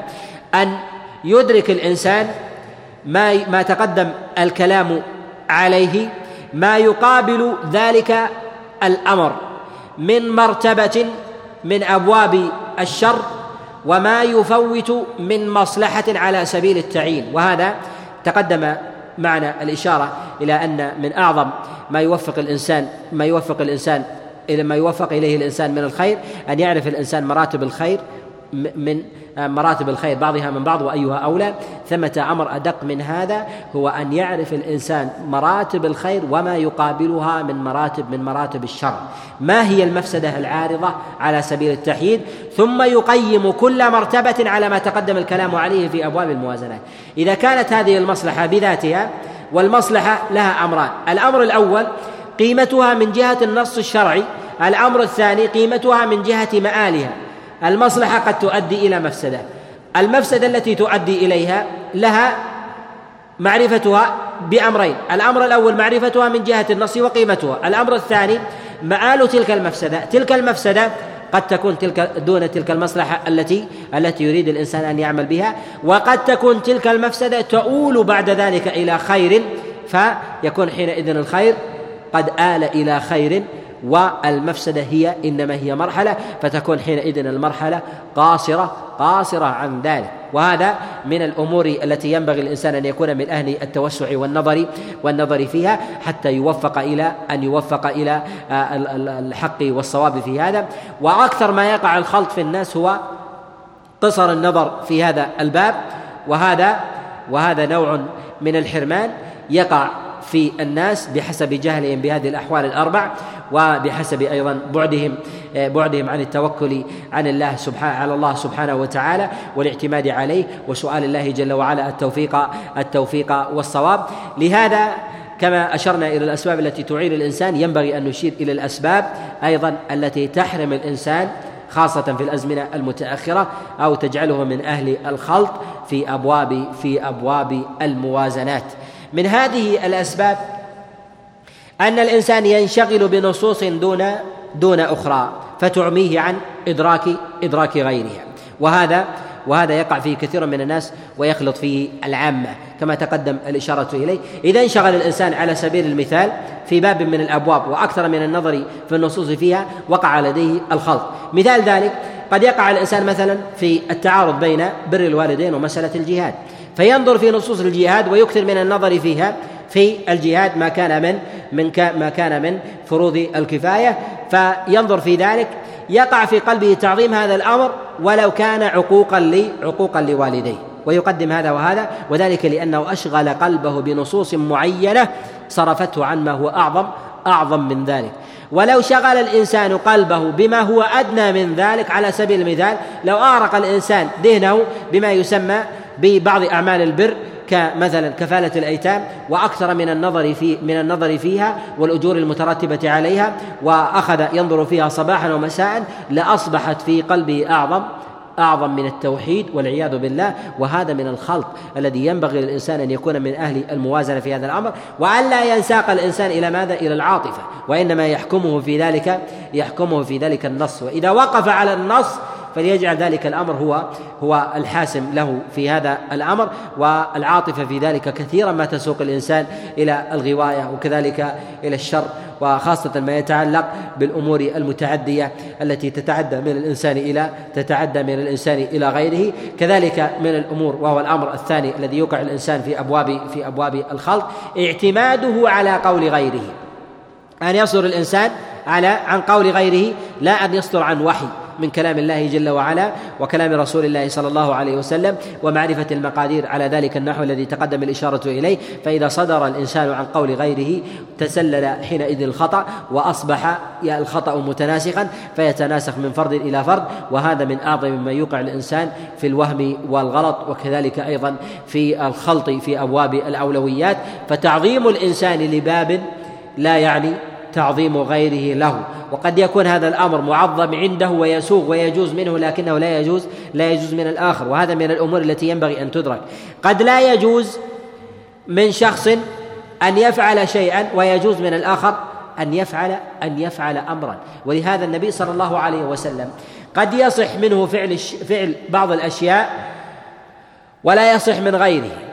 وبعض الأشياء لا تصح أن تكون من النبي عليه الصلاة والسلام وتكون من أصحابه. لهذا النبي عليه الصلاة والسلام تارة كان يبعث بعض أصحابه إلى الغزو ولا يذهب النبي صلى الله عليه وسلم لمصلحة يراها يراها أعظم من ذلك وهذا يرجعنا إلى إلى أن الذوات تتباين في معرفة أو في معرفة وكذلك القيام القيام بأمر بالحق وأن لا يكون الناس في ذلك على السواء وهذا من الأمور التي يخلط يخلط فيها يخلط فيها كثير من الناس. قد يكون الإنسان يدرك أنه من أهل الإقبال على باب من أبواب الخير ويرى أنه في ذلك لا يفوت واجبا عليه بعينه وأنه إذا انصرف عن ذلك الأمر فإنه يرجع عنه ولا يستمر فيه حينئذ يستمر في الخير الأدنى ولا ولا يستمر ولا ولا يسلك الخير الأعلى لأن الأعلى ينقطع فيه. ولهذا النبي صلى الله عليه وسلم جعل القليل الدائم أعظم من الكثير المنقطع. ولهذا يقول النبي صلى الله عليه وسلم كما في الخبر قليل دائم خير من كثير من كثير منقطع. وجعله عليه الصلاة والسلام كما جاء في حديث عائشة عليكم من العمل ما تطيقون فإن الله لا يمل لا يمل حتى حتى تملوا. وهذا من أعظم التلبيسات التي تكون على في تكون من مسالك إبليس ودواخله على كثير من الصالحين والعباد فضلا عن عامة الناس أنه يجعله يقبل على باب من من الأبواب المعظمة من أمور الخير وذلك لجهل الإنسان في سياسة النفس وفي ابواب وفي أبواب الموازنة وهذا على سبيل المثال ما يتعلق في أمور العبادة. قد يكون الإنسان مثلا منقطعا في أمور العبادة ولا يقبل عليها ويجد في يوم من الأيام إقبال على العبادة والتوبة والإنابة إلى الله جل وعلا فيجد في نفس في نفسه انشراحا عظيما لقيام الليل. فتجده مثلا في أول ليلة بعد انقطاع تام عن الفرائض والصلوات والرواتب فيتوب إلى الله جل وعلا تجده مقبل على العبادة فيكثر من الصلاة وقيام الليل وغير ذلك وربما قام الليل كله ويجد في نفسه انشراحا عظيما. وهذا الانشراح قد يسأل السائل أين إبليس؟ عنه. يقال أن النفس وكذلك الإنسان لا تكون سياسة ومقاليدها بيد إبليس وإنما وإنما يتغالب الإنسان مع إبليس والشيطان والشيطان إذا وجد الإنسان مقبل يعلم أن النفس تمل. وإذا كانت في غاية الخير ويطلقها ويعينها إبليس ربما على باب من أبواب الخير. لماذا؟ لأن النفس حينئذ بين أمرين. إما أن تقبل على الخير بالكلية على أقصى الخير وإما أن يحجمها إبليس ويجعلها تقتصد في أبواب الخير حينئذ تدوم وإما أن تكثر من الخير فتقوم ليلة ثم تنقطع أفضل من أن تقوم ركعتين في كل الليالي ثم تتدرج في هذا الأمر. ولهذا تلبيس إبليس على كثير من العباد والصالحين وكذلك أيضا في أمور العلم أنه يشغل الإنسان في باب ويجعله ويجعله أيضا يكثر من الإقبال فيه. لماذا؟ حتى يمل وينقطع. لأن النفس إذا أقبلت لا طاقة للشيطان برده وإنما يطلق لها العنان. لماذا؟ حتى تقبل حتى بعد ذلك تنقطع. وإذا انقطعت فانها فإنها ترجع وتنتكس. ولهذا يقول النبي صلى الله عليه وسلم كما جاء في الصحيح من حديث أبي هريرة قال إن هذا الدين يسر ولن يشاد الدين أحد إلا غلبه.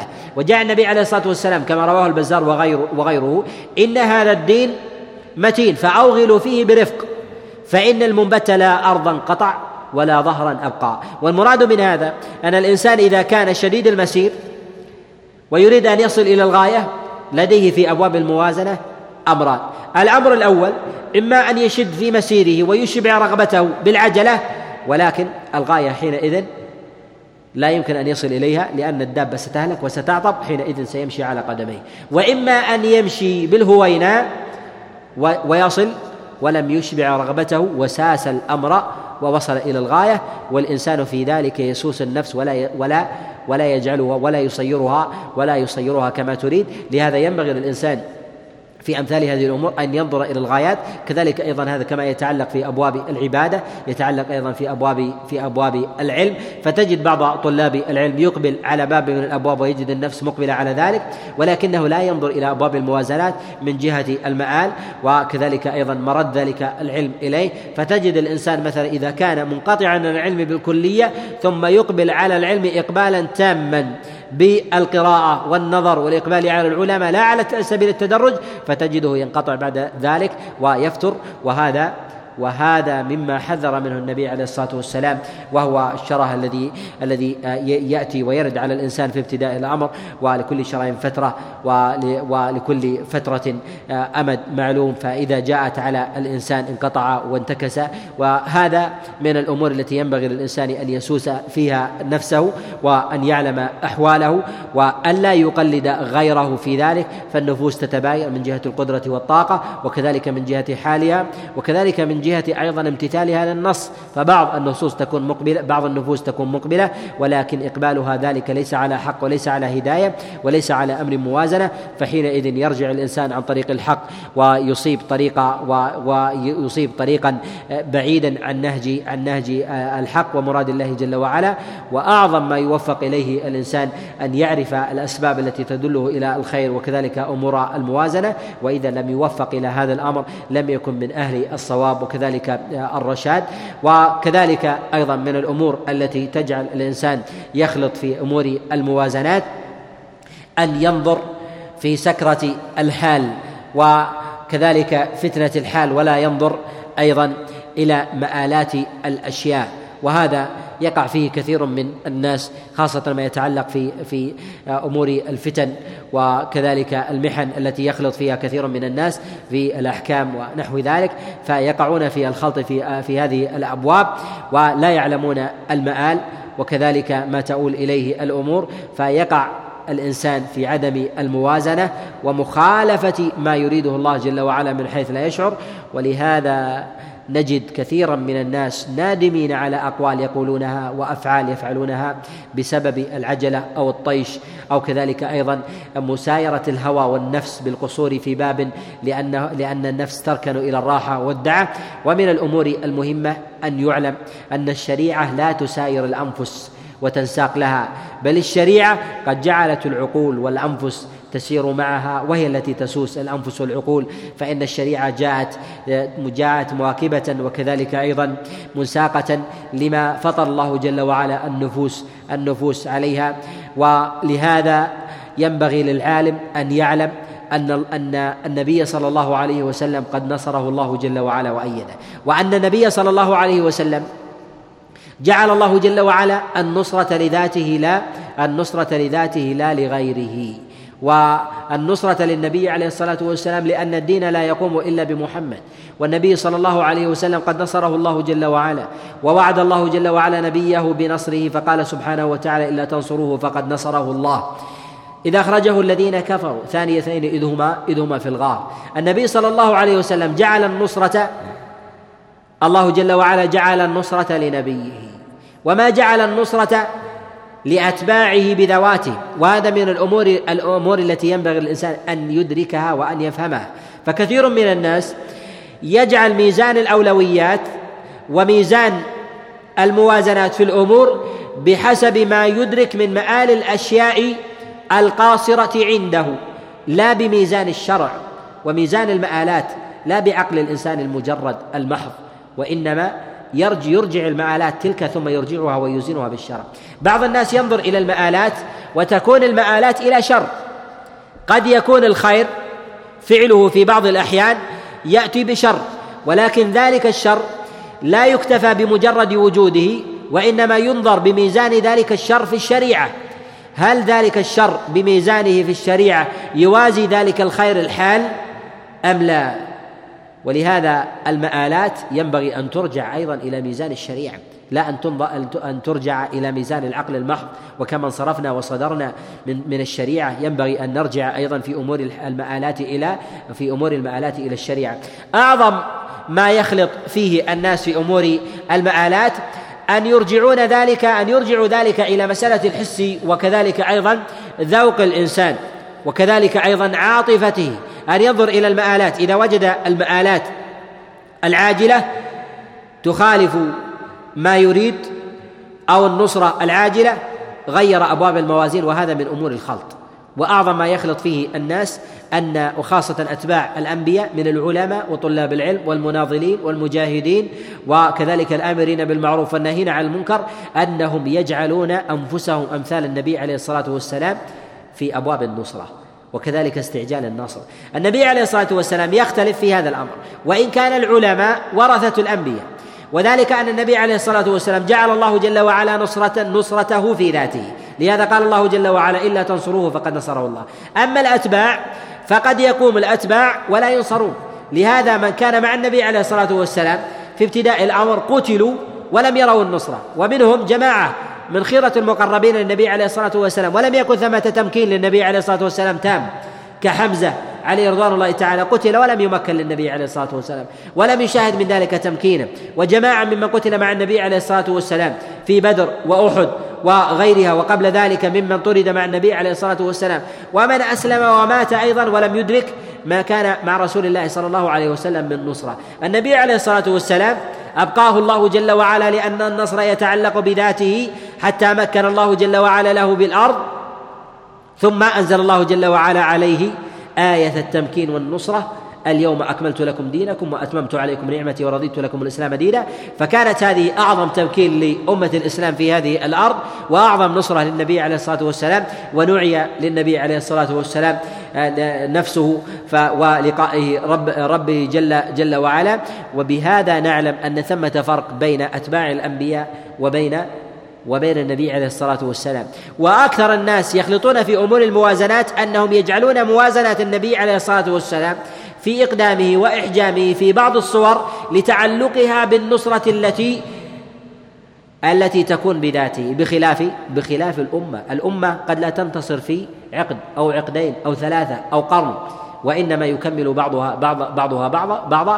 منهم من يموت في ابتداء أمره ثم لا يمكن له ومنهم من يمكن بعد ذلك ومنهم من لا يكون النصرة إلا بعد جيل. ومن الناس من لا من من يمكن بسبب نضال غيره ممن قضى ممن قضى نحبه فجاءه التمكين بين يديه. ولهذا حكمة عظيمة وسنة جليلة. وهذا ندركه في كثير من العصور. كثير من المجتمعات تمكن بسبب بسبب نضال وقوة وقيام أناس آخر بأناس آخرين. قد ناضلوا وجاهدوا في سبيل الله وقاموا بأمر بأمر الحق. ولهذا قال النبي صلى الله عليه وسلم كما جاء في الصحيح لا تزال طائفة من أمتي ظاهرين على الحق لا يضرهم من خالف من خالفهم ولا من خذلهم حتى يأتي حتى يأتي أمر الله. يقول النبي عليه الصلاة والسلام لا تزال طائفة. ما قال واحد. في نص النبي عليه الصلاة والسلام قال إلا تنصروه فقد نصره الله. لأن الأمر يتعلق بواحد أنتم تذهبون وتجيئون ولكن النصرة تتعلق بمحمد هذه المرة. وأما عداكم فلا بد أن تكون طائفة لا تزال طائفة من أمتي. هذه الطائفة كالأمة الممتدة في طريق قد يهلك أولها ولم يصل ويهلك أكثرها ولم يصل وقد يهلك ويولد أقوام في بلد التمكين ولم يسلكوا الطريق ولم يتحملوا شيئا من المشاق. ولهذا يقول النبي عليه الصلاة والسلام لا تزال طائفة من أمتي ظاهرين على الحق فجعل الحق واحد ولكن الأمة الأمة كثيرة جدا. أما النبي عليه الصلاة والسلام فهو واحد والنصرة تتعلق به إلا تنصروه فقد نصره نصره الله. لهذا وجب على الإنسان أن يدرك مقامه أنه يجب عليه أن يقوم وأن يسوس الأمور وأن لا يربط المآلات به بذاته كذلك أيضا بحال أمة من الناس.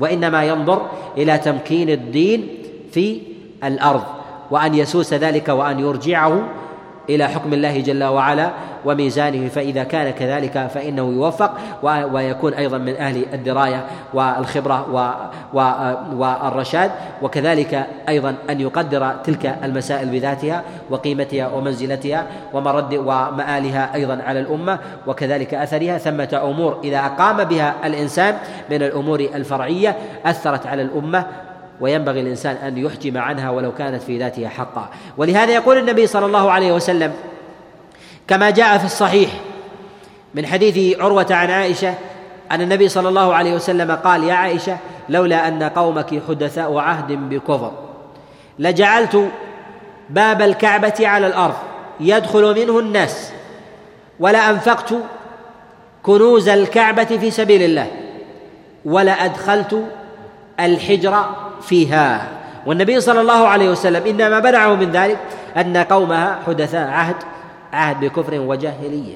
وهذا فيه ما تقدم الإشارة إليه أن الإنسان في أمور الموازنات ينبغي أن يرجع أن يرجع الأمر إلى أحوال الناس وكذلك إدراكهم لهذا الأمر وكذلك أيضا أن يرجع المصالح إلى معرفتها. توسعة الكعبة وفتح الباب لا يغير من مقام الكعبة شيء لا يغير من أحكامها من استقبالها من الطواف عليها من بيان منزلتها. ولكن لو فعل ذلك لا ارتد من ارتد من ارتد عن العرب لأنهم يعظمون الكعبة تعظيما في نفوسهم. قد بقي من بقايا الجاهلية ولهذا قد يبقى في مجتمع من المجتمعات بعض التعظيم في قلوبهم لبعض الشعائر ولكنهم لا يبوحون بها وهذا من الأمور الفطرية. ولو كان كانوا قد دخلوا في الإيمان وحسن إيمانهم لكن العالم قد يدرك ما لا يدركه الناس وقد يستقر في قلبه من الإيمان والثبات وإدراك بعض المسائل. يقينا بإدراكه للعلم ما لا يدركه الناس ينبغي ألا يجعل ذلك الإدراك كإدراك الناس أو يجعل الناس يفهمون فهمه وينبغي أن يميز بين إدراكه وفهمه وإدراك الناس فإنه في إذا كان من أهل هذا الأمر. ونظر بنور الله جل وعلا سدده وأعانه. كذلك أيضا ينبغي له آه، أن يكون من أهل العبادة والديانة. ولهذا العالم والعالم. إذا لم يكن من أهل الديانة والعبادة فإنه يخلط وإذا لم يتجرد من أمور آه، من أمور آه، من أمور الشائبة التي تؤثر على قلبه فإنه يخلط في هذا الأمر. ولهذا يقول النبي عليه الصلاة والسلام في الخبر الذي رواه الإمام أحمد وأهل السنن ما ذئبان جائعان أطلقا في غنم بأفسد عليها من المال والجاه للرجل في دينه. ولهذا ينبغي للإنسان أن يحذر من الأمور التي تخلط في مسائل الموازنات وهذا من الأمور التي آه، والأسباب التي تجعل الإنسان يخلط في هذا الأمر أنه إذا شاب ميزانه بأمر من أمور الدنيا وتعلق بها فهذا يشغل شيئا من القلب ينبغي أن يترفع من مد يده عن الناس. وكذلك مخالطة أرباب الدنيا حتى لا يختل ميزانه فإنه إذا كان وحمى قلبه من هذه وفق إلى الصواب والهداية والرشاد.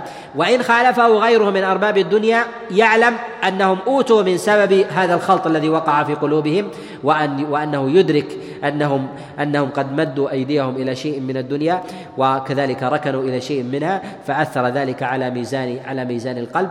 وإن نزعوا إلى شيء من النصوص الشرعية فالنصوص الشرعية ثمة نصوص أخرى تماثلها وكذلك هذه النصوص التي جاءت في الوحي وإن كانت حقيقة في ذاتها لكن ثمة أعظم منها ومعاني أجل منها. ولهذا الله سبحانه وتعالى أقر المشركين على أن سقاية الحاج وعمارة المسجد الحرام من الدين ولكن لا يستوون. أي أن هذه الكفة هي كفة حقيقية وهي من الخير ولكن قد زاحمت خيرا أعظم من ذلك فينبغي ألا تقدم عليها وأن تقديم غيرها عليها من الظلم والبغي. ولهذا سمى الله جل وعلا من يساوي ويعظم عمارة المسجد الحرام وكذلك ومن من يعظم عمارة المسجد الحرام وسقاية الحاج على الإيمان بالله وباليوم الآخر أن ذلك من القوم الظالمين. وهذا ما ينبغي للإنسان أن يعلم أن الشريعة تحتاج إلى إنصاف وعدل وهذا العدل لا يكون إلا بفهم النصوص كما تقدم الإشارة إليه. أسأل الله جل وعلا أن يوفقني وإياكم لمرضاته وأسأله سبحانه وتعالى أن يأخذ بي وبكم منهجا قويما وصراطا مستقيما إنه ولي ذلك والقادر عليه وصلى الله وسلم وبارك على نبينا محمد. يقول حديث معاذ بن جبل أن النبي عليه الصلاة والسلام في لما بعث معاذ اليمن لم يذكر الصوم والصلاة لم يذكر الصوم والحج. الحج فرض متأخرا بعد ذلك. والصوم جاء في بعض الروايات عن النبي عليه الصلاة والسلام. يقول كثير من الناس يدعي المصلحة وأن الأولى كذا وآخر يقول كون الناس يستفيدون من جهة أو باب أولى وأولى وفتح باب أولى من إغلاقه. وبعض الناس يقول يرشد الناس ويعلمه لكنه لا ينكر ونحو ذلك. نقول هذا من أمور الخلط. وهذا الذي سبب الخلط لدى كثير من الناس. لماذا؟ إذا بلغنا الناس الحقائق الشرعية بشطر معارفها وقع الخلط. إذا أتيت إلى الناس أو إلى أهل القريه وأهل الحي وأخذت أعلمهم الشريعة بصيغة افعل بينت الأوامر الشرعية. أنا على خير. قلت وحدوا الله صلوا زكوا أطعموا الطعام صلوا الأرحام صلوا بالليل والناس نيام. أكرموا الضيف كفوا الأذى عن الجار ونحو ذلك. هذه الأوامر إذا أبلغتها بهذا الأمر هذا من المعروف. ولكن إذا أسقطت المنكر وبيان مقداره وهو الشق الآخر وقع الخلط بين الناس. ولهذا يجد تجد الناس يأخذون ما يسهل عليهم من غير معرفة وإدراك للتراتيب. ويقع حينئذ الخلط عند كثير من الناس ولهذا تجد كثيرا من المسلمين في بلدان العالم يشبعون عواطفهم الدينية ببعض الأمور مثلا بالتعلق بالموالد اعتبار أن لديه عاطفة دينية يشغلها في مناسبة وانتهى الأمر.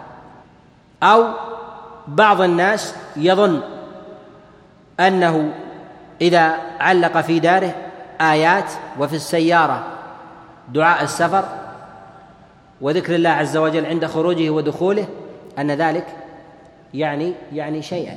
هذا هذا من الخلط. وتجده مسرف على نفسه يقع في الكبائر والفواحش ونحو ذلك ويشبع عاطفته النفسية بأمثال هذه الأمور. ولهذا يقع الخلط عند كثير من الناس بسبب خطأ كثير من المبلغين الذين يأمرون بالمعروف لكن لا ينهون عن المنكر إطلاقا ولا يبينون قيمة الزنا وخطورته. والأسباب الموصلة إليه وخطورتها من الخلوة الاختلاط اللين بالكلام كذلك أيضا ترك الصلوات وقيمة المخالف لها فتجد الإنسان يتحاشى ذكر المخالفة وبيان منزلة تارك الصلاة وتارك الزكاة وتارك الحج ونحو ذلك لماذا؟ لأن هذا يهيب كثير من الناس ولا يرغبون هم يريدون مساحة عريضة من الفعل ولكن لا يريدون أن يسمعوا العقوبات لماذا؟ لأن الذي أخذ هذا سيد سيترك ذاك وإذا أخذ هذا وترك ذاك ستأتيه عقوبة ذاك وتكدر عليه العمل هذا فهو يريد أن يجعل غريزته في ماذا؟ وعاطفته الدينية في بذل السلام أو لديه مال ينفق على الناس ولكنه من أكثر خلق الله. هل يعني من ذلك هل هذا يعني أو يغني من الحق شيء؟ لا يغني من الحق شيء. الحق لا بد أن يعرف بحقيقته في ذاته ومعرفة ضده. حينئذ تكتمل الصورة. نعرف ونعلم أن التوحيد إذا فرط فيه الإنسان كفر. وأن النصوص جاءت بتكفير تارك الصلاة. حينئذ يعرف الإنسان التراتيب. أما أن نقول صل وزك وصل الأرحام سيضع الإنسان هذه الأمور في خانة واحدة ويأخذ ما يستطيع منها ويقول أني أديت هذا هذا الأمر ويعلق قلبه بهذا الأمر أنني قدمت قرابين عظيمة لله جل وعلا ويدع ما هو أعظم أعظم من ذلك. وهذا من الخلط الذي ينطلي على كثير من العامة.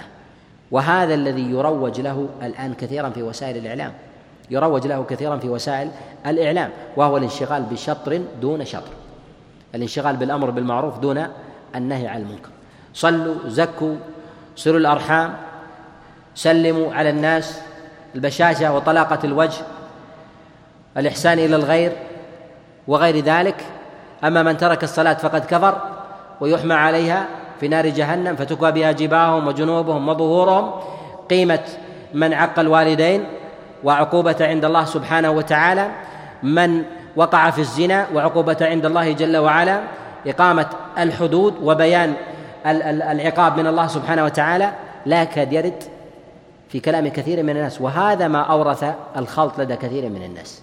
فيرد الاضطراب في فهم الشريعة وتجد الغوغاء والعامة إذا قام ناصح بإرجاع بعض الأمور في موازينها تجد الخلط لدى الناس في عدم الإدراك أن هذا أولى من ذاك أو ذاك خير أو نحو ذلك أو تجد بعض الناس إذا وقع في كبيرة من كبائر الذنوب ونحو ذلك يقال فلان قد وضع ماء سبيل في بيته أو فلان تصدق بكذا أو فلان يوزع الكتاب الفلاني ونحو ذلك. هذا أمر وذاك أمر ذاك أعظم من ذاك. وهذا من أبواب الخلط التي تقع عند عند كثير من الناس وسببها هم كثير من المبلغين. يقول هل هناك كتاب في هذا الموضوع؟ لا أعلم في هذا الكتاب وإنما مردها الإنسان يديم النظر في الشريعة ويرجع على حسب الأصول التي تقدم الكلام عليها. يوفق ويعان ويسدد بإذن الله. أسأل الله جل وعلا أن يوفقني وإياكم لمرضاته وصلى الله وسلم وبارك على نبينا محمد. جزا الله فضيلة الشيخ خير الجزاء وجعلنا الله وإياكم ممن يستمعون القول فيتبعون أحسنه. وتقبلوا تحيات إخوانكم في تسجيلات الراية الإسلامية بالرياض هاتف رقم أربعة تسعة واحد واحد تسعة ثمانية خمسة. والسلام عليكم ورحمة الله وبركاته.